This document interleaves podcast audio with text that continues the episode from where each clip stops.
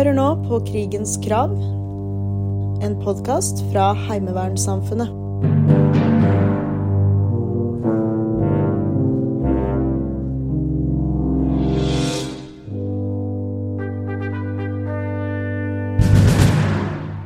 Eh, I dag er vi så heldige å ha eh, forsvarssjef eh, general Eirik Kristoffersen som gjest i Krigens krav.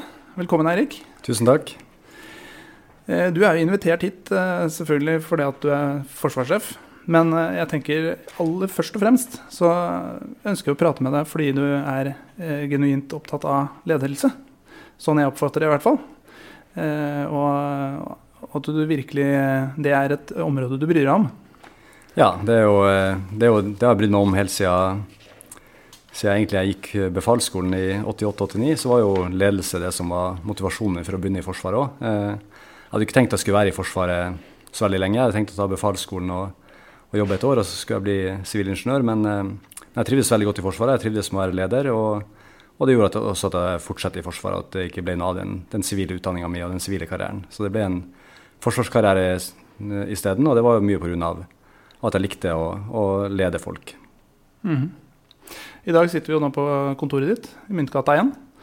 Eh, og kan fortelle litt om eh, veien hit sånn lederskapsmessig. Du har jo erfaring fra, fra Forsvarets spesialkommando. Du har eh, erfaring fra andre plasser i Hæren. Og du har også eh, erfaring som sjef eh, Heimevernet. Hvordan har lederskapsreisen på en måte vært fra du starta fram til nå? Det var jo eh, fra, fra befalsskolen og, og, de første pliktårene, pliktårene jeg hadde på Skjold, så, så har det vært læring hele veien. Og jeg har jo som alle andre ledere gjort eh, masse feil, men jeg har lært av feilene mine. Eh, de, de, første elementære feilene jeg gjorde, var jo at jeg prøvde å gjøre ting sjøl som, som lagfører, istedenfor å bruke hele laget.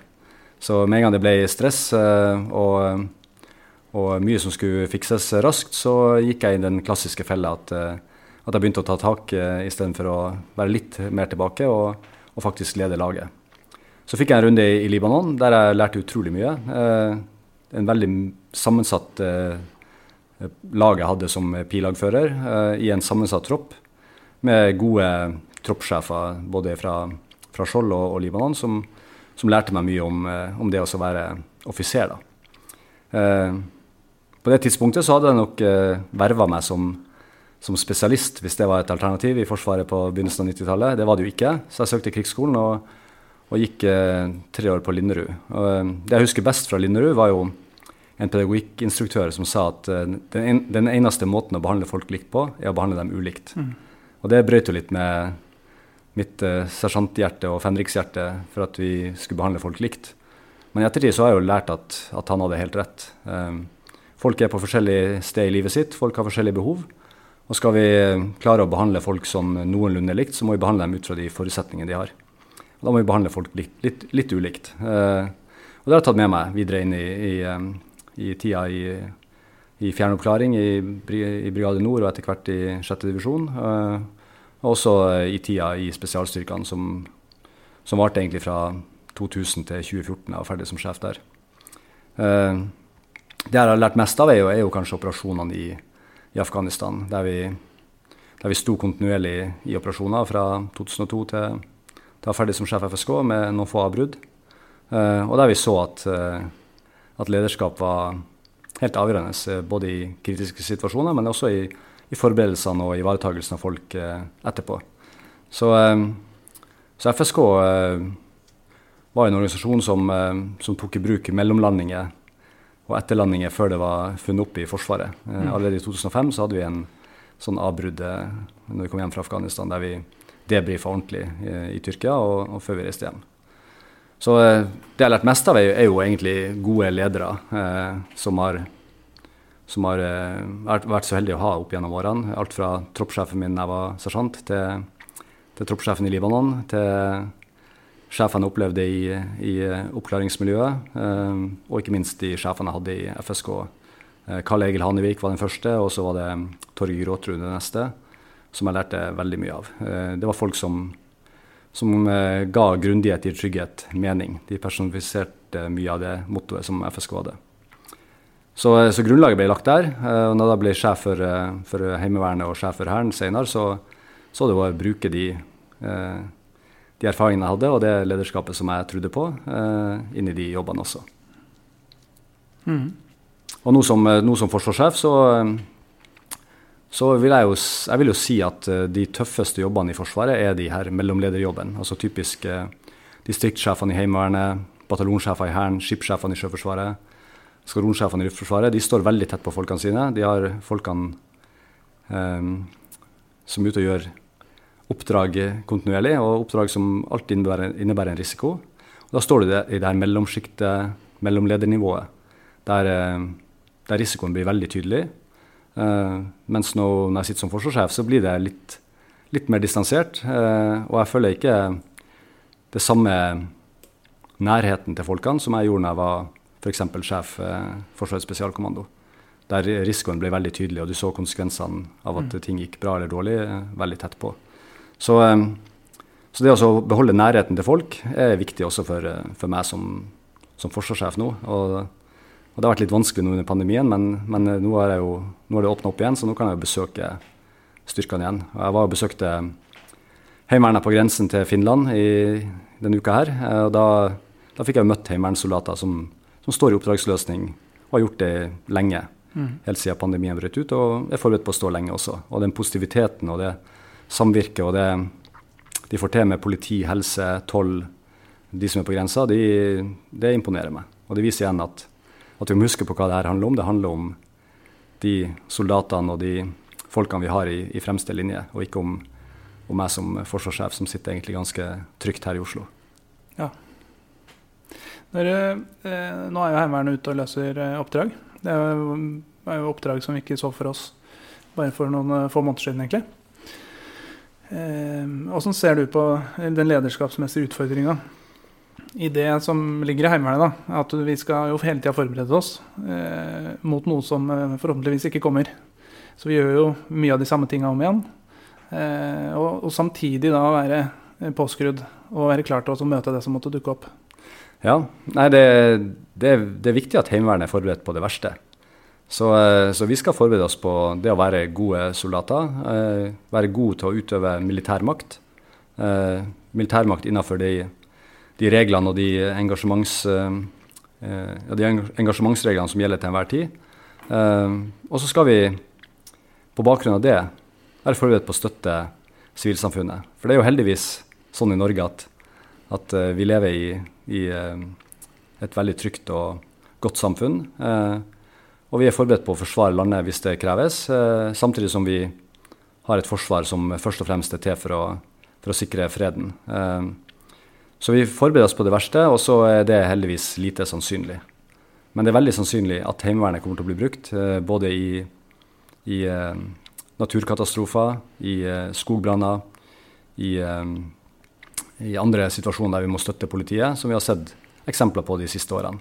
skredet på Gjerdrum i jula var jo en, et eksempel på det. og ikke minst den grensekontrollen vi har stått i nå, som som Heimevernet har stått i i over et år, og ser ut som de skal stå i enda lengre. Så, eh, så da kommer jo det tilbake igjen, den tryggheten som heimevernssoldatene har, fordi de har gjennomført en militær utdanning, og så klarer de å omsette det til å løse andre typer støtteoppdrag. Eh, for meg så er det, så er det ganske opplagt at vi må ha et, en militær organisasjon som Heimevernet, som kan forsvare landet, men som samtidig er fleksibel nok til å kunne støtte sivilsamfunnet ved behov. Uh, og forhåpentligvis, og mest sannsynlig, så er det det siste som, som kommer til å inntreffe oftest. Men da er det nettopp den organiseringa og det at vi har uh, en struktur som gjør at, uh, at vi har lag, tropper, ledere på alle nivå, som gjør det de får oppdrag om, og vurderer bruke sunn fornuft og løse oppdragene på best mulig måte. selv om det skulle være en redningsaksjon eller, eller en skogbrann som, som, skal støttes fra Heimevernet. Det som uh, har vært en, uh, vært en, var en øyeåpner for meg, var jo Trident Juncture, der Heimevernet sto i styrkebeskyttelse mange steder i landet. Og mange politimestere sa jo at de foretrakk å bruke Heimevernet, fordi den lokalkunnskapen og de voksne folkene som tross alt Heimevernet utgjør, eh, gjør at, at folkene som står på vakt og driver styrkebeskyttelse, har mm. bruker mye sunn fornuft og lokalkunnskap for å løse oppdrag og løse situasjoner til, til beste for alle. Så det var en, det var en unison tilbakemelding egentlig fra politimestere at de foretrakk de lokale heimevernssoldatene til, til styrkebeskyttelse framfor å kan du si, enda mer profesjonelle eh, soldater fra, fra, andre deler av Forsvaret. Nettopp fordi heimevernssoldaten hadde denne lokalkunnskapen. Mm. Hva var, hva var den største overgangen for deg når du kom inn i Heimevernet? Fra spesialstyrkene? Ja. Det var egentlig ikke så stor overgang. Eh, det som var veldig godt å se, var jo at den samme mentaliteten eh, var i Heimevernet som jeg kjente igjen fra spesialstyrkene. Altså den kreativiteten, eh, viljen til å løse oppdrag, eh, var stor. Og vi satte jo eh, fokus på bærende soldatferdigheter. Både jeg og Guttorm Bentdal, som var sjefsersjanten min da, var veldig opptatt av det. Eh, det som overraska meg, var egentlig at, at mange i Heimevernet følte at de hadde et behov for å trene systemet Heimevernet. Mm. Det gjorde at veldig mange soldater på årlig trening ble gående og, og egentlig stå vakt uh, uten at det var noe stort, uh, stort uh, øvingsopplegg rundt det. og de fikk lite ut av, av kan du si, de årlige treningene. I tillegg så overraska det meg at, at Heimevernet den gangen ikke var så fokusert på å holde lag og tropper sammen. Mm. De miksa gjerne tropp og lag pga. at oppmøtet ikke alltid var 100% Det lå gjerne på 75 og Da kunne det f.eks. være at istedenfor å øve fire 75 %-tropper, så slo man sammen til tre 100 %-tropper. Mm. Og da ødelegger du det som jeg mener er det aller viktigste i soldatyrket. Det er jo makkertjenesten og lagsfølelsen og troppen. Fordi eh, når det drar seg til, så glemmer du veldig fort eh, både konge og fedreland, men du glemmer ikke makkeren din. Og da må vi ha folk som kjenner hverandre, og som trener godt sammen. Og så må heimevernssoldaten være trygg på på våpenbehandling, på eh, førstehjelp, på de helt bærende ferdighetene som, som soldat. Og da, da prøvde jeg å skru om utdanninga i Heimevernet til å være til at årlig trening var fokus på basisferdigheter. Og så fikk heller, heller de her større øvelsene være fokusert på, på, på enten, enten, taktiske øvelser uten tropper til stede, altså bare å befale offiserer, eller at det rett og slett var kartøvelser sammen med politi og, og eh, statsforvalter og andre som skal være med i, i totalforsvaret. Så, eh, så, det at Heimevernet hadde de store systemøvelsene der folk egentlig bare ble gående som markører omtrent for et stort apparat, det var en, et, en treningsform som ikke jeg var enig i. Mm. Eh, og så opplevde jeg at det ble veldig godt mottatt i Heimevernet, og blant uh, de som, som, står i Heimevernet, når, det, når det fokuset ble, ble reetablert på, på grunnleggende soldatferdigheter. Da kan heimevernssoldaten komme hjem og si at de faktisk har løst militære oppgaver. Det som jeg også tror eh, kommer til å skje nå fremover, det er en, det er en fornyelse av Heimevernet. Nå får vi flere og flere veldig unge, motiverte eh, soldater som har gjennomført eh, førstegangstjeneste, som kommer inn i Heimevernet, og som kommer til å stille helt andre krav til både områdesjefen og, og eh, distriktsstabene på at eh, innholdet i treninga skal være veldig relevant. Um, så den største det største Heimevernet kan gjøre, tror jeg, det er å fortsette å fokusere på, på bærende ferdigheter som soldat, men ikke minst også skape forutsigbarhet for de her sivile eh, eh, som skal kalles inn til årlig trening, sånn at de vet god tid i forkant når de skal møte på, på årlig trening, og hvor lenge den skal være, være og, og, hva de faktisk skal trene på. Eh, en sånn forutsigbarhet vil jo, vil jo øke motivasjonen, tenker jeg. Ja, og har, bli informert om hva man skal være med på. Man er, blir jo tross alt uh, tatt inn uh, fra sin sivile arbeidsgiver osv. Eh, for å tjenestegjøre for Forsvaret. Ja, og, det, det kanskje, gir en kanskje motivasjon sånn innledningsvis å vite hva man, hva man, faktisk skal gjøre. Og at man har en forventning til at dette her er noe som er viktig. Ja, og spesielt, spesielt det med, med tidspunkt. Mm. Altså Tid er den mest dyrebare ressursen vi mennesker har. og da må vi vi må klare å gi den forutsigbarheten til, til voksne folk eh, om at eh, denne, den uka så er det faktisk årlig trening mm. planlagt. Eh, jeg var jo besøkte Heimevernet i, i, Sverige. og Oppe i Luleå sitt heimevernsområde så hadde de fast årlig trening hvert år i uke 33. Ja. Det var liksom før jakta og, og etter uh, sommerferien. Uh, og da, da møtte mange, veldig mange opp, og de visste at det var den uka hvert år. Så da det gjorde at prosenten gikk opp, og folk visste nøyaktig når det var neste års trening òg. Så det mm. kunne de avklare med arbeidsgiver. Så eh, jeg opplever jo at arbeidsgiverne også nå, veldig mange, ser nytten av denne årlige treninga. Fordi når, når eh, de her heimevernssoldatene kommer tilbake, så har det jo enten vært lagfører eller utøvd en ledende funksjon som er nyttig for sivilt arbeidsliv. Eller de har fått et påfyll på f.eks. førstehjelp, som også er nyttig. Så, mm. så, det å kommunisere godt med arbeidsgiverne og, eh, og, forstå verdien av det de gjør, eh, det vi gjør i Heimevernet, det, det, tror jeg blir viktig for Heimevernet fremover òg.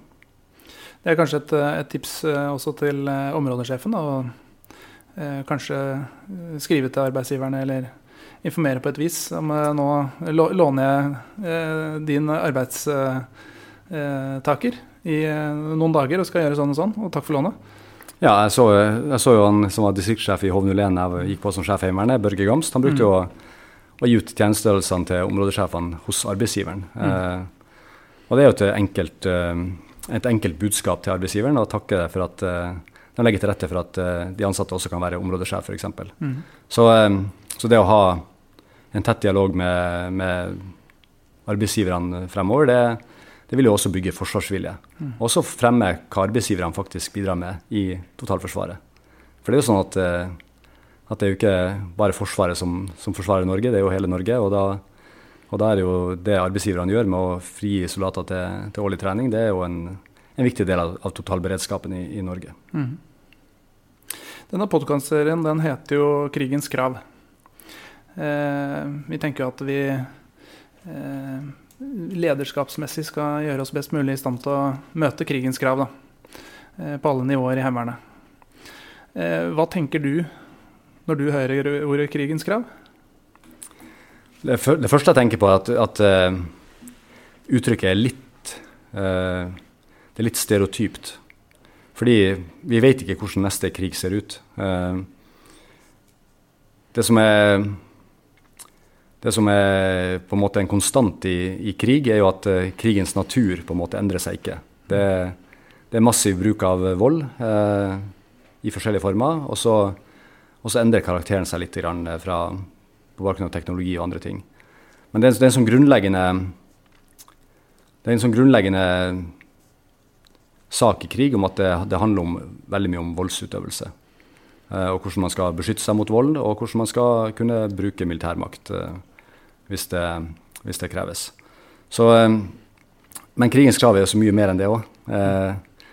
Eh, for meg så er, det, så er, det, at vi må ha en grunnleggende beredskap som er god. Eh, folk må vite hvor de skal møte, hva de skal møte med, og hva deres rolle er i, i organisasjonen, i, i Heimevernet.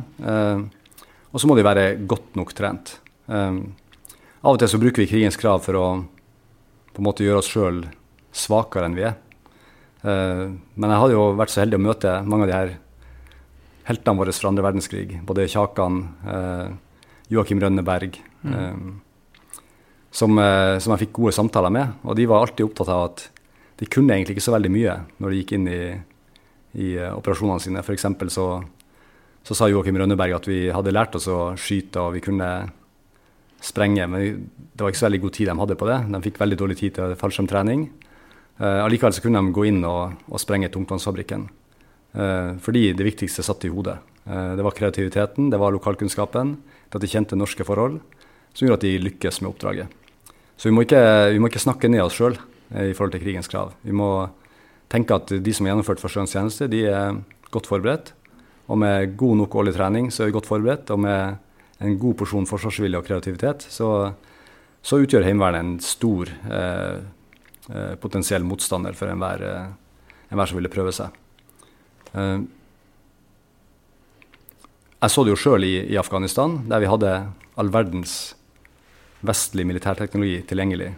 mye mer allerede i 2002 enn det vi, det vi har nå snart 20 år senere i, i Norge. Mm. Og Likevel så klarte vi ikke å fullstendig å, å få kontroll på, på, situasjonen, fordi de her opprørerne de, de, klarte å finne måter å enten gjemme seg på eller, eller operere på, som gjorde at vi ikke klarte å, å finne dem før det var, av og til var litt for seint.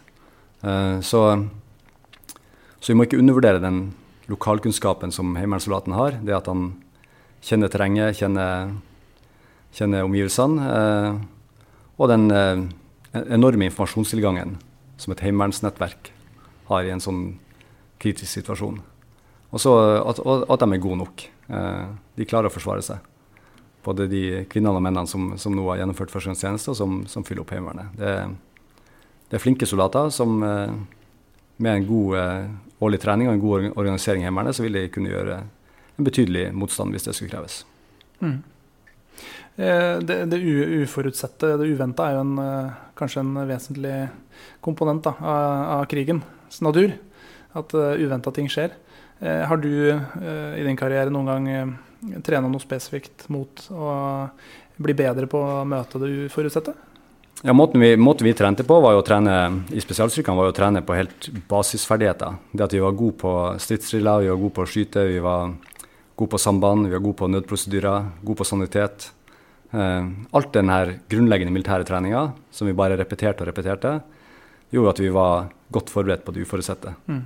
For det går jo aldri som planlagt. Så det å uh, være trygg på, sin egen, på sine egne ferdigheter, altså det, at man kan bruke børsa, eh, kan sanitet, kan sambandsprosedyrene, vet hvor de andre lagene er hen, gjør at du kan møte ganske overraskende situasjoner på en veldig god måte. Eh, vi trente jo sjelden på at, på at, det skulle skje noe helt usannsynlig, men ofte så skjedde det noe helt usannsynlig. Men da falt vi tilbake på treningsnivået og, og, gjorde at vi kom oss ut av de situasjonene. Så, eh, så det, å det å være god på de helt uh, primærfunksjonene gjør deg bedre rusta til å møte uforutsette ting. Mm. Og så er det sånn at når, når, når det når det virkelig drar seg til, og ting blir veldig uklart, så ser folk mot lederen. Eh, det er da ledelse kommer frem. Det er da lagføreren i Heimevernet må stå frem og være både tydelig og, og tilgjengelig og til stede for soldatene sine, og så, og så gi de nødvendige ordrene som uh, gjør at man jobber i samme retning. Så veldig mye handler jo om å få folk til å jobbe i samme retning, framfor å detaljstyre hver enkelt. For det, det blir vanskelig. Så så det å bare gi retning og si trekk ut høyre eller trekk ut venstre eller reorganisering i, i et eller annet område, er jo, er jo, det helt banalt enkle, som ikke er desto mindre viktig når det blir, når det blir en vanskelig situasjon. Um, og så er erfaringa mi at, at, i stressa situasjoner så gjør folk sitt aller, aller beste. Uh, det er ikke bestandig at det er det rette å gjøre, men folk gjør sitt beste. Mm. da er det viktig å stoppe opp på, på trening og evaluere. og og se om vi kunne gjort det på en annen måte, uten å på en måte dømme folk. Fordi folk gjør sitt beste. Og så må vi lære av, av eventuelle feil og se om vi kan bli enda bedre. Så, eh, så håper vi at eh, Heimevernet klarer å frigjøre nok ressurser, ressurser nå til at, til at, årlig trening blir noe som gjennomføres. Um, for da er vi tilbake på det helt grunnleggende. Så er det det at lag og tropp i Heimevernet møtes hvert år, kjenner hverandre, får sjekka utstyret, alt det kan gjøres på veldig kort tid. Mm. Det er viktigere enn at det blir en lengre trening annethvert år. Men at folk møtes og, og vet hvem som er i laget og hvem som er i troppen, og vet hvem som er lagføreren og troppssjefen, er helt, uh, helt, avgjørende hvis vi skal lykkes i en, en, vanskelig situasjon. En av de tingene som en, en politimester sa til meg, var i forbindelse med, en, med leteaksjoner. Så sa politimesteren at, uh, at det er bedre å bruke Heimevernet, fordi enn eh, alle mulige frivillige som stiller opp. Fordi Heimevernet de er organisert. De, det gjør at vi ikke risikerer å få en leteaksjon i leteaksjonen. Ja. Fordi hvis veldig mange dukker opp uten å være organisert, så, så, kan de jo med gode intensjoner begynne å bidra i leteaksjon, men i verste fall, i dårlig vær og dårlige forhold, så risikerer de å få en, en, eh, en ny hendelse i denne aksjonen. Så det at, det at vi var organisert, det at vi Eh, løste oppdraget og, og, tok vare på hverandre og hadde en god plan for, for hvordan vi skulle debrife, det var noe politimesteren satte veldig pris på. Mm. Så det er en styrke som Heimevernet har, som også er høyst relevant i forhold til en mer skarp situasjon enn en, leteaksjon. I forhold til dette med eh, planlegging av operasjoner, plan- og beslutningsprosess f.eks. Der vet jeg mange eh, sliter med eh, ulike eh, reglementer for hvordan dette skal gjøres, og mange trinn osv. Eh, hvis en skal gjøre det fort og bra nok, eh, hva vil du anbefale områdesjefen å gjøre? Nei, det, det, det, meste kan gjennomføres med en fempunktsordre.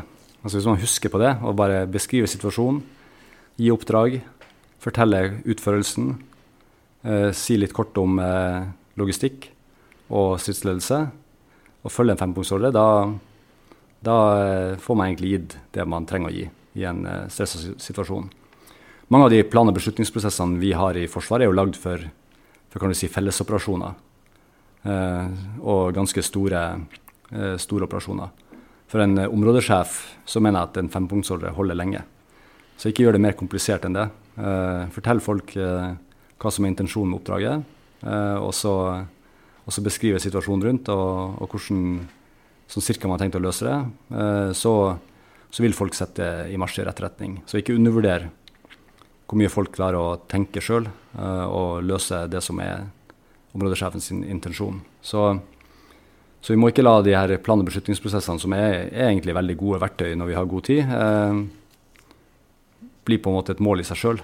Eh, det er klart, Skal du planlegge noe veldig stort, så, så, kan det være greit å gå gjennom alle trinnene, men, men, ofte så har man veldig dårlig tid, og er det, å, det å gi en kort og grei fempunktsordre, det, det, er ofte godt nok til å mm til å få løst det oppdraget som, som området står i. Så eh, Av og til så lurer jeg på om vi har tatt de, her de plan- og beslutningsprosessene ned på for lavt nivå. Jeg tenker at eh, mange av de skulle stoppa på, på distriktsstabsnivå og ikke blitt dratt helt ned i, i områdesjef- og, og troppssjefsnivå. For da faller man egentlig ned på de helt enkle prosedyrene. Så for min egen del i Afghanistan så var det fempunktsordre som, som gjaldt for nesten alle operasjonene vi løste. Det var sjelden vi, vi ga en veldig stor eh, Eh, gjennomført en stor plan- og beslutningsprosess. Fordi det ofte hasta litt, og fordi det var stor usikkerhet. Så, så det var godt nok med en, med en fempunktsordre. Mm. Så det som, eh, det som, vi alltid, alltid gjorde, var jo en, en, tilbakelesing av oppdraget før man reiste ut og løste oppdraget. Så de som skulle faktisk utføre det, ga en kort tilbakelesing på, på hva det vi har tenkt å gjøre, hva det de, de så på som den store risikoen. Og så, og så når jeg var komfortabel med det, så var det egentlig OK tommel opp og så sette i gang. Mm. Um, men en tilbakelesing av oppdraget, den uh, Bare for å se at vi, har, vi, er på samme rutenett før folk reiser ut og løser oppdrag, det var, det var viktig. Mm. Det, det, det, er jo sånn i nesten alle militære operasjoner at uh, ting ikke går som planlagt. Uh, det, kaller jo, det kaller vi for friksjon i, sånn historisk. så friksjon betyr jo at en god plan på papiret ikke blir gjennomført helt etter planen i virkeligheten. Eh, og friksjon oppstår jo idet planen er klar, eh, og folk skal begynne å løse den. For det første så er det jo eh, folk som Altså den e egne friksjonen med at, med at lag og tropper leser kart og terreng litt forskjellig, som gjør at de ikke møtes der de skal møtes, eller, eller ting ser annerledes ut i, i virkeligheten enn de gjorde på papiret. Det at sambandet svikter, det at eh, eh, folk får skader, tråkker over eller de helt enkle tingene, som gjør at, eh, at planen stopper opp. Og så er det jo vær, før og lys som påvirker alle militære operasjoner. Det som så bra ut inne på, på kontoret, ble ikke så bra når, når stormen kom. Og til slutt så er det jo det som vi heldigvis opplever litt mindre av, det er jo at fienden også har et ord med i laget. Så at fienden påvirker egne operasjoner. Um, og denne friksjonen, den, eh, den, må man være klar over. Og, og eh, derfor ikke legge altfor detaljerte planer. Eh, man kan godt tenke at i detalj skal gjøre sånn og sånn og sånn, og det er ikke galt å tenke hva hvis og, og tenke alle mulige hendelser, det er, det er, bare positivt. Men også være forberedt på at, på at det uforutsette skjer. I Norge så, så har vi blitt overraska flere ganger. Eh, det siste gode eksempelet er jo, er jo dessverre 22.07. Der, eh, der i hvert fall eh, jeg ble overraska over at det var så voldsomt med, med svær terrorbombe i Oslo. Og, og eh, alle de som ble drept på Utøya. Eh, helt eh, sjokkerende, egentlig. og det kom også som, som, en overraskelse. Det var jo Det hadde vært fokus på, på terror trusselen lenge, egentlig.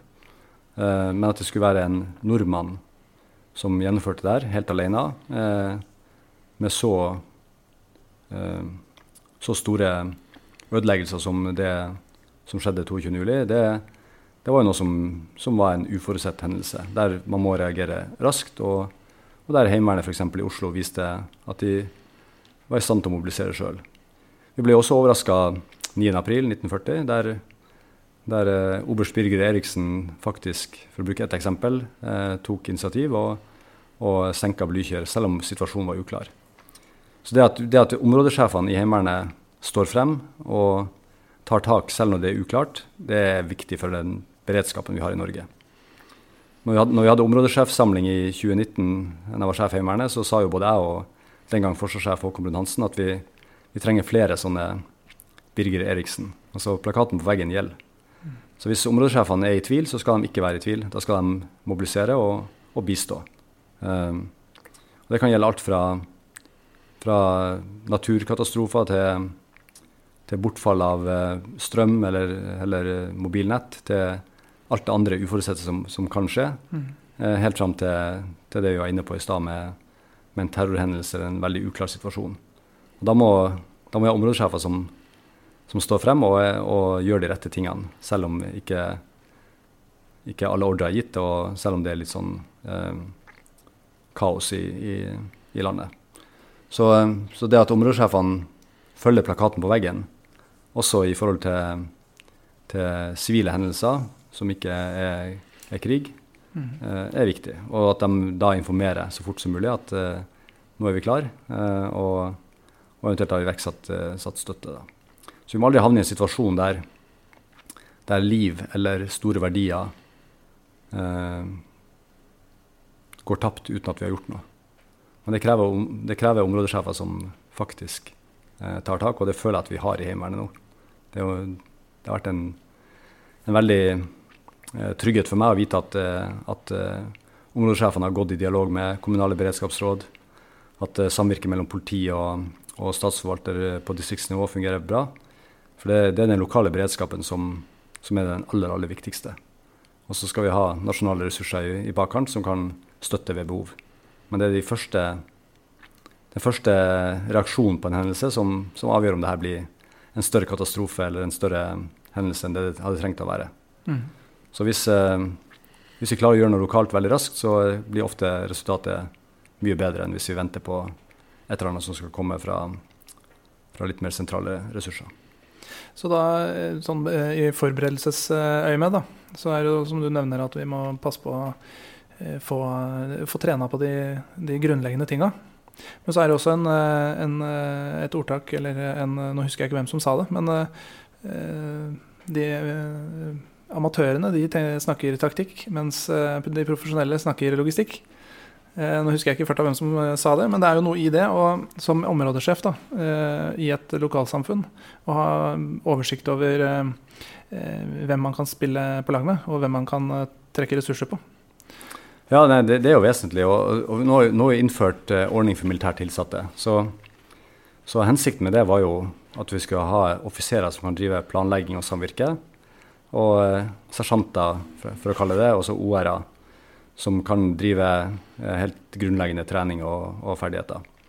I Hæren og i Heimevernet så har vi hatt en, en typisk enhetsoffiser som både drev med, med instruksjon og, og plan og, og beslutningsprosess.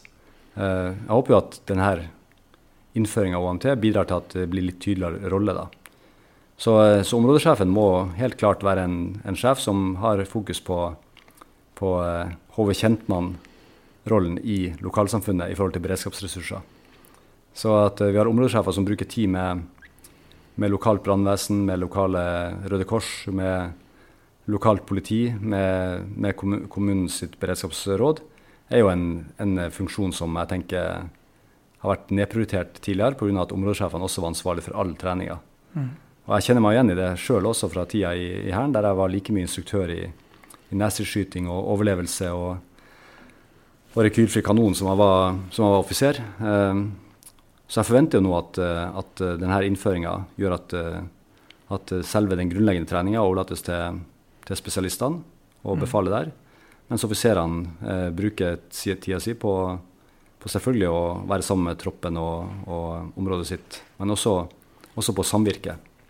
Og det at områdesjefene kjenner de andre områdesjefene, eh, i hvert fall de som ligger nærmest, eh, så de kan støtte hverandre. At eh, områdesjefene kjenner til de sivile samarbeidspartnerne. Eh, det er på en måte den nye jobben til områdesjefene nå når vi har innført eh, ordning for militært tilsatte, der, der, vi har innført eh, to søyler, egentlig. Mm.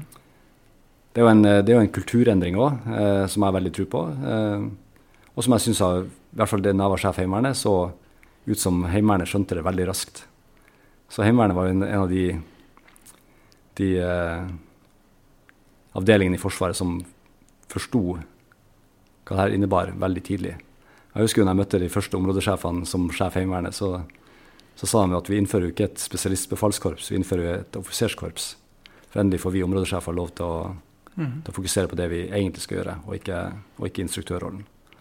Så, um, så jeg oppfatta jo at uh, at den sivile kompetansen som områdesjefene har, eh, der de var vant med å jobbe eh, i et system der noen er ledere og noen er eh, med de som utfører, eh, klang, det klang veldig godt når, når de fikk OMT, og, og, de skjønte veldig fort hva det, her handla om. Så det var, det var, veldig positivt å se. Mm. For å få eh, mer aksept hos eh, sivile arbeidsgivere, så eh, for at vi låner eh, folka deres mens de er inne til trening, og, og når de, vi sender folk på utdanning. Eh, så er det jo viktig å kjenne godt til hva, hva slags utdanning vi kan tilby. Og, og, hva det gir, både militært, men også kanskje sivilt. Åssen tenker du dette med utdanning i Heimevernet kan se ut i framtida? I forhold til det med sivilkompetanse versus militærkompetanse. da. For, for, det første så må Heimevernet og Forsvaret anerkjenne sivil kompetanse. Så vi har veldig mange dyktige folk i Heimevernet som, som, kan det meste. Men de må liksom gjennom et kurs for å få bruke det militære materiellet. Der må vi finne løsninger som gjør at, uh, at den sivile kompetansen er, er, god nok. Altså, kan du kjøre, kjører du lastebil til daglig, så kan du kjøre en Scania. så, det, så det, det, første er jo at vi i Forsvaret må anerkjenne den sivile kompetansen. Også lederskapskompetansen. uh, som veldig mange sivile har. Um, det, det, blir helt vesentlig fremover. Hvis ikke så kommer vi aldri i mål. Og det føles litt sånn meningsløst, uh, som jeg opplevde at uh, en, en reindriftssame i Finnmark måtte kjøre scooter til, til Porsangermoen for å ta scootersertifikat for å kjøre militærscooter. Altså, han kunne kjøre scooter. Uh, ferdig med det. og så når det kommer til våre egne kursrekker, så så vil nok det en del av uh, utviklinga fremover vil være å gjøre det her tilgjengelig også digitalt for, for Heimevernets folk, sånn at de kan ta enda mer kurs basert på eget standpunkt, og ikke må møte opp til faste, faste tidspunkt. Uh, jeg opplever at kursrekka i Heimevernet er veldig god. Altså det, heimevernet, har vært tvung, heimevernet har vært tvunget til å tenke effektivt. Og 14 dagers kurs uh, for å få for å få eh, det til å passe med sivilt arbeidsliv. Eh, sånn at de kursene er egentlig veldig, veldig gode. Eh, så det å kommunisere rundt hva det faktisk er for noe til sivile arbeidsgivere, ligger det en verdi i. Når jeg var, når jeg var sjef, så, så, sjef for Heimevernet, så, så, møtte jeg jo Næringslivets hovedorganisasjon. Og møtte den gangen Kristin Skogen Lund, som leda det her, og, og forklarte om kursrekken til Heimevernet. Og og hvordan gratis lederskapsutdanning det egentlig er eh, for sivile bedrifter. Og Hun var jo veldig interessert i det, og så absolutt potensial i det. Så, eh, så eh, vi har kanskje ikke vært flinke nok til å kommunisere rundt hva vi egentlig lærer folk, og hvordan det kan ha nytte også i sivilt arbeidsliv. Eh, jeg har jo sendt de her vernepliktige sjåførene mine, både da jeg var sjef i Heimevernet og, og nå som forsvarssjef, på grunnleggende lagførerkurs i Heimevernet, og de kommer tilbake igjen med med ny kompetanse og fornya selvtillit. Fordi kursrekken er veldig bra. Uh, så i, i fremtida tenker jeg også at flere av, av de vi får inn som, som lagfører i Heimevernet, har gjennomført de kursrekken allerede i førstegangstjenesten. eh, på de helt grunnleggende nivåene. Og så må vi, må vi se på hvordan vi kan, uh, kan gjøre det enda bedre opp mot, mot sivile arbeidsgivere for å for å få forståelse for at folk må dra på kurs. Uh, men ikke minst så må vi jobbe med, med, motivasjon til den enkelte, for vi ønsker jo frivillige. Vi ønsker at folk skal ta på seg lederoppgaver. eh, basert på egen frivillige, og ikke bli kommandert på, på kurs. Eh, og da er det jo å, å, fortelle hva som er innholdet i dem, og gjøre dem tilgjengelig. Eh, så hele den digitaliseringsprosessen som Heimevernsskolen har starta med, den eh, må videreføres, sånn at det blir tilgjengelig for folk. Og det er jo kanskje derfor jeg er mest glad for det initiativet nå med Heimevernssamfunnet, er nettopp for å beskrive hva det egentlig vi lære de her heimevernssoldatene. Mm. Både på enkeltmann, på lagførernivå, på troppsnivå, på spesialistnivå. Eh, og på kan du si, fagkategorinivå i, i rekka til Heimevernet. Det er alt fra, fra, det å være personelloffiser i et uh, område til å, til å være eh, områdesjef, som er kjempegode kurs som har stor nytte også sivilt. Så eh, jeg har ennå ikke vært på et kurs der jeg ikke har lært et eller annet. Selv, de, selv kurs som jeg har vært på i mitt liv, som har vært ganske dårlige kurs, så har jeg likevel lært noe. Mm. Fordi jeg har, vært, eh, har, fått tid til å reflektere og også lære litt av, av eh, hvordan ting kan gjøres kanskje på en annen måte enn akkurat det jeg lærte på kurset. Mm. Og så evaluert de og, og utvikla de. Så, eh, så jeg syns Heimevernsskolen gjør en kjempejobb nå, og, og, ikke minst også med å legge opp til desentraliserte kurs. Fordi det kan ikke være sånn at eh, vi alle må reise til Dombås hver gang vi skal gjennomføre et kurs. Da vil vi aldri komme i mål med, med det store volumet som Heimevernet har. Nei. Eh, det, min erfaring med, med, kurs på Dombås er jo at det, er, eh, det, det kan være litt ålreit å komme dit. Og en av de tinga som, som, er veldig nyttig, sånn jeg ser det, det er å møte andre i samme situasjon. Så nesten uavhengig av kursopplegg så lærer du jo masse av de andre som dukker opp også. Ja. Som har Eh, spesielt når man eh, driver med gruppeoppgaver og f.eks. plan- og beslutningsprosess eller hva det nå er for noe. Ja. Så kan man lære veldig, veldig, mye av hverandre i en sånn trykkoker. Da. Det blir i en veldig noen kort tid, men uh, lenge hver dag. Ja. Mm. Heimevernsskolen har jo en kjempelang tradisjon for det her, og de har veldig mye flinke instruktører. Jeg var oppe og så på grunnleggende soldatkurs for, for de her lotten som, som skal gjennomføre det kurset før de blir bli styrkedisponert i Heimevernet. Og de, de, instruktørene der er jo noe Jeg fikk en repetisjon på CBRN som, mm. som var veldig veldig nyttig også for meg. Eh, som, og på veldig kort tid eh, gikk gjennom alle de viktigste tingene mm. rundt det å beskytte seg mot eh, kjemiske og biologiske stridsmidler. Så jeg har veldig tro på, på kursrekka til Heimevernet. Og så, og så eh, er bekymringa mi for Heimevernet er, er, at vi, om vi får nok volum gjennom. Så, så, det er klart på, på områdesjefskurs og, og, på den type troppssjefskurs og sånne ting, så er det veldig nyttig å samles. Men det er også fagkurs som kan kjøres mer desentralisert. Så det, der får man bare finne balansen, så, så ikke alt blir, blir, digitalt, men at vi av og til også kan møtes.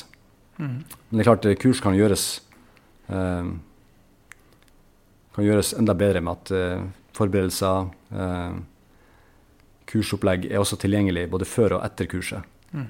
Veldig ofte så er det jo fint å gå inn en stund etter å ha vært på kurs og bare klikke gjennom materialet og se hva, hva det egentlig vi, vi snakka om, eh, som en repetisjon og, og som en læring. Eh, spesielt eh, før en årlig trening der man skal friske opp kunnskapene. Så, så det å gjøre ting, ting tilgjengelig digitalt eh, vil jo styrke de her kursene også. Men det er klart, eh, digitale løsninger tar aldri bort den læringa som skjer mellom mennesker når de faktisk fysisk møtes. Mm. Eh, militært lederskap, eh, hvis du med noen korte ord skulle beskrive hva det er for noe for deg?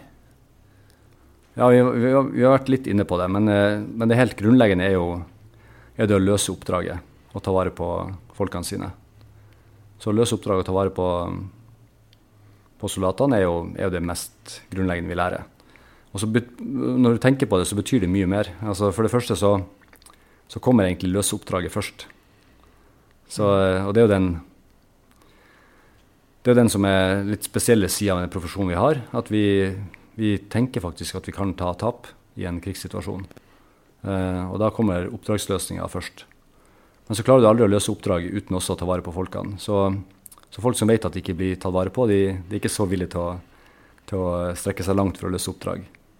Så det å sette oppdraget først, sette soldatene først og sette seg sjøl sist, Eh, så det oppdraget, det, det, er våre soldater, det er folkene våre, og så er det lederen til slutt.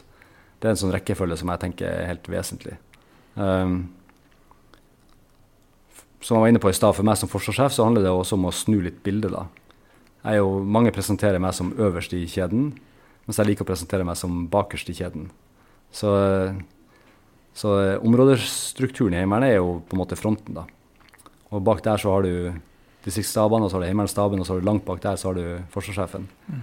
Så det å, det å skape et bilde av at det, at det handler om om den enkelte soldat som er langst fremme og skal gjøre oppgavene, det, det, har vært viktig for meg som forsvarssjef. Så jeg vet ikke om jeg lykkes helt ennå, men, men, eh, men, det er jo det er den rette måten å fremstille Forsvaret på. Ikke som en hierarkisk organisasjon fra topp til bunn, mm. men som en organisasjon fra kan du si, bakerområdet til, til fronten. Mm.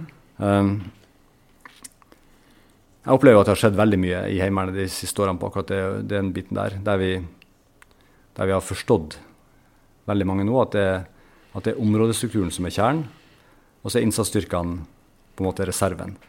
Så vi har en kraftig innsatsstyrke som, som har trener mer enn områdestrukturen, men som også er en begrensa ressurs, og som er en, en, reserve. Mens det er områdestrukturen som utgjør det store volumet, som er på en måte hele kjernen i Heimevernet. Derfor er det, er det, egentlig der vi har mest å hente også nå, på, på både utstyr, på desentralisert lagring, på, på årlig trening, å få til det i områdestrukturen, er, er, på en måte en forutsetning for at Heimevernet skal videreutvikle seg.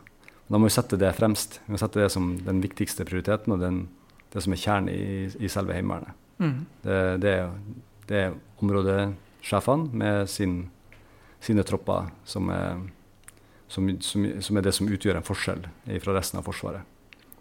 Så, eh, så Heimevernet må aldri bli, bli for lik Hæren. Eh, Heimevernet må være en desentralisert struktur der, eh, der folk har klare oppdrag. Veldig ofte så handler det om, om å sikre viktig infrastruktur. Men like ofte så handler det om å, å, være fleksibel i forhold til alt det som måtte skje. Mm. Hvordan ser du for deg at feltet lederskap og lederskapsutvikling kan tas videre gjennom heimevernssamfunnet eksempelvis? Nei, det, det, er jo gjennom å engasjere nettverket i Heimevernet. Altså det å, det å dele erfaringer. Eh, forsvaret er ganske dårlig på erfaringshåndtering. Vi, eh, jeg har sett det på de store undersøkelseskommisjonene som, har, som går nå, i forhold til f.eks. Helge Ingstad og, og ei nestenulykke i Luftforsvaret. Så, så, klarer vi på en måte ikke å, å dele erfaringer godt nok eh, fra en hendelse til en annen. Så det å utnytte nettverket i Heimevernet til, til, å dele erfaringer gjennom f.eks. Heimevernssamfunnet, men også mer formalisert gjennom, eh, gjennom Heimevernet sin egen si, stående struktur, eh, er en måte å komme videre på. Eh, ha, et, ha, en kultur der det faktisk er også mulig å snakke om, om feil eh, for å stadig bli bedre.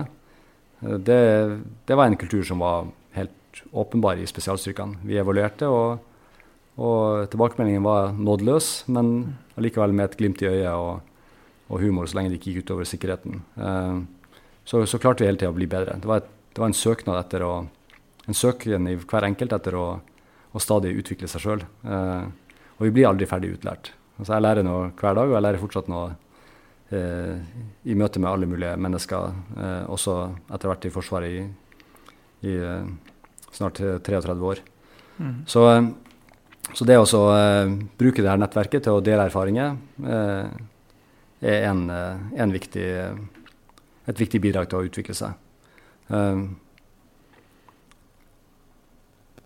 jeg tenker også at, at de kursrekkene som Heimevernsskolen har, de må også tilpasse seg ny, en ny tid.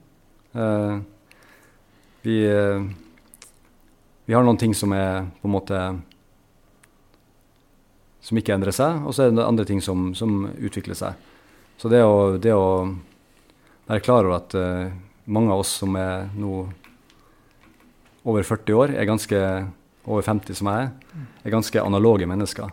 Så det å ikke undervurdere hvor raskt uh, folk lærer digitalt, uh, er noe som vi må jobbe med. Er, jeg vokste opp i en kultur der du lærte ting i klasserom og praktiserte ute i felt, mens nå kan man lære egentlig hele tida. Mm. Så, så, det å tilgjengel, tilgjengeliggjøre uh, kunnskap uh, digitalt kommer til å bety mye for, for Heimevernet fremover. Så selv om man er kanskje på årlig trening en gang i året, noen få dager, så kan man likevel tenke som en heimevernssoldat hele året. Mm. Og få, få opp det, denne kulturen der, der alle er stolte himmelsoldater gjennom, gjennom hele året. Eh, som f.eks. uniform på jobben-dagen bidrar til. Det vil jo utvikle Heimevernet. Og det at folk vet hvem som er i laget sitt og i troppen sin, og har det nettverket gående eh, som dere bidrar til med Heimevernssamfunnet, er jo en utvikling av, av både lederskap og, og, kan du si hele styrken til Heimevernet. Så, eh, så eh, ta vare på det som er rett å ta vare på, men også se etter nye muligheter. Det, det tror jeg Heimevernet kommer til å gjøre på en god måte fremover, fordi det kommer stadig, som jeg var inne på i stad, stadig mer motiverte soldater inn i, i, eh, fra førstegangstjenesten som kommer til å stille krav. Så vi, vi, må tilpasse oss. Absolutt.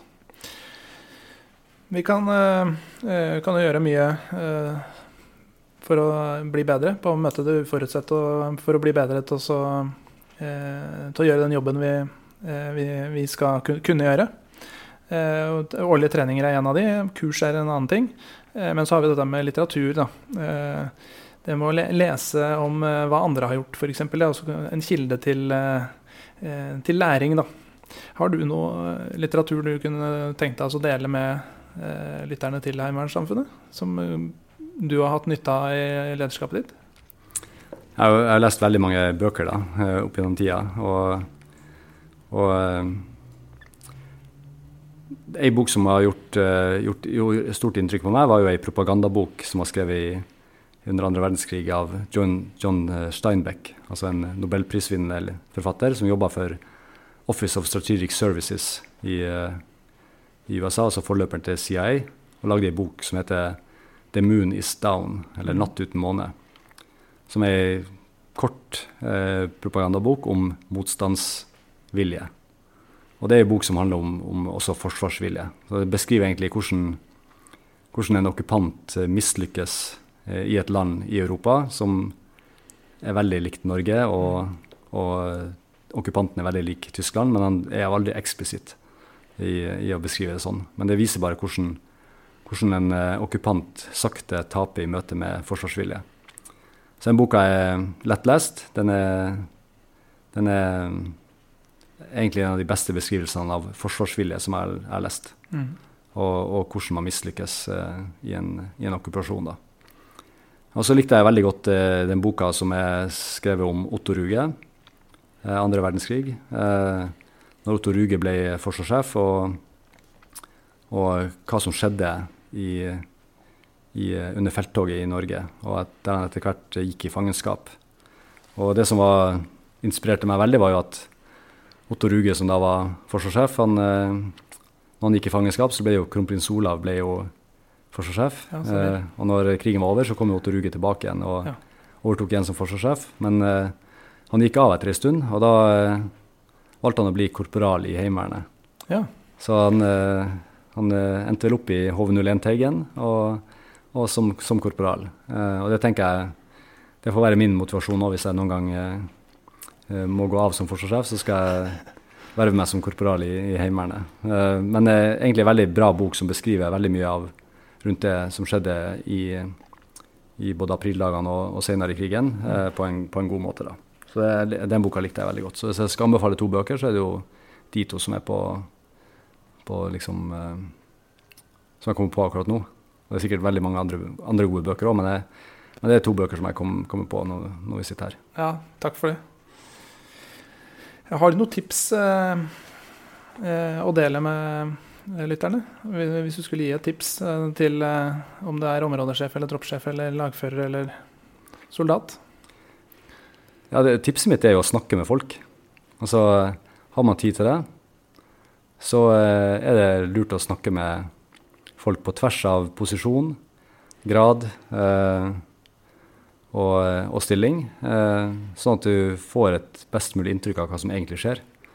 Jeg har jo hatt stor nytte av å snakke med alt fra de eh, tillitsvalgte for de vernepliktige til, til hærs- og luftsjefene, til, til, enkle soldater jeg møter, som, som jeg stiller ganske enkle spørsmål om. Eh, hvordan går det? Hvordan har du det? Er det noe som kan forbedres? Mm. Og så får man egentlig veldig mye informasjon, eh, som ofte er ganske ufiltrert.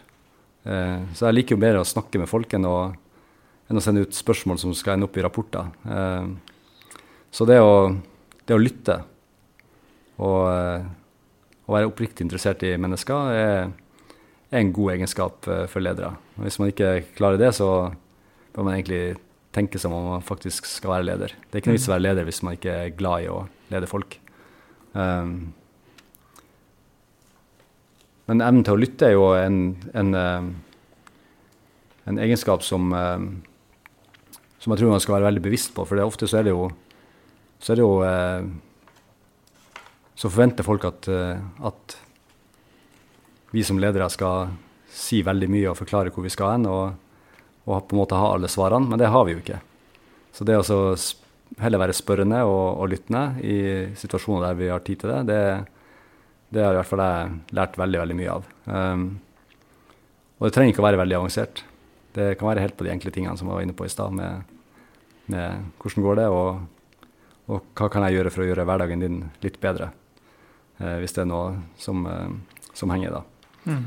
Så uh, Og så må vi huske på at alle folk har sin, sine bekymringer.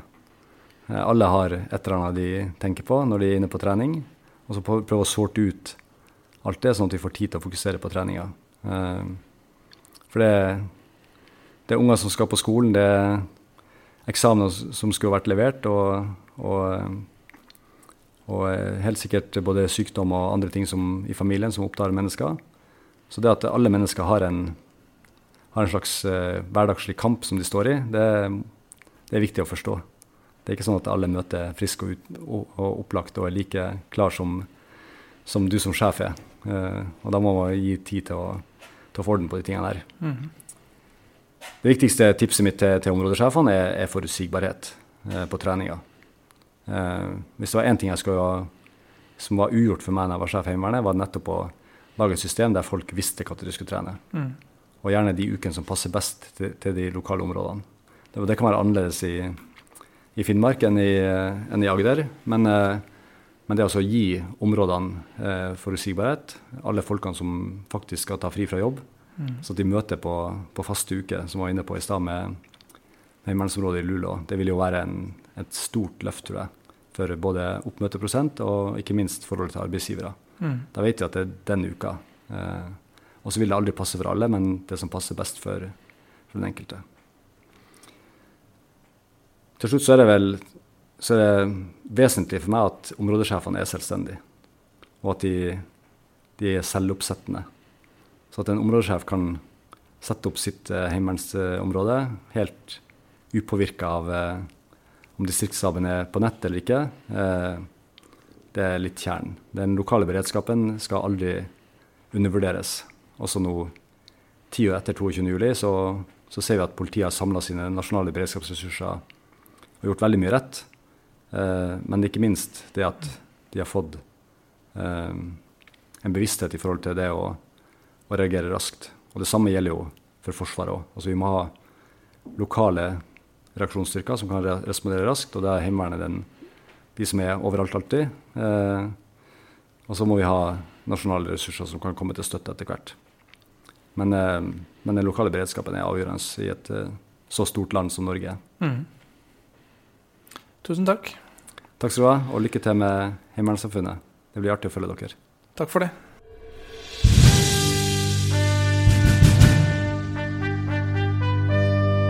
Du har nå hørt Krigens krav. Ta kontakt med oss hvis du har tilbakemeldinger eller ideer til nye episoder. Kontakt oss på hvsamfunnet.no.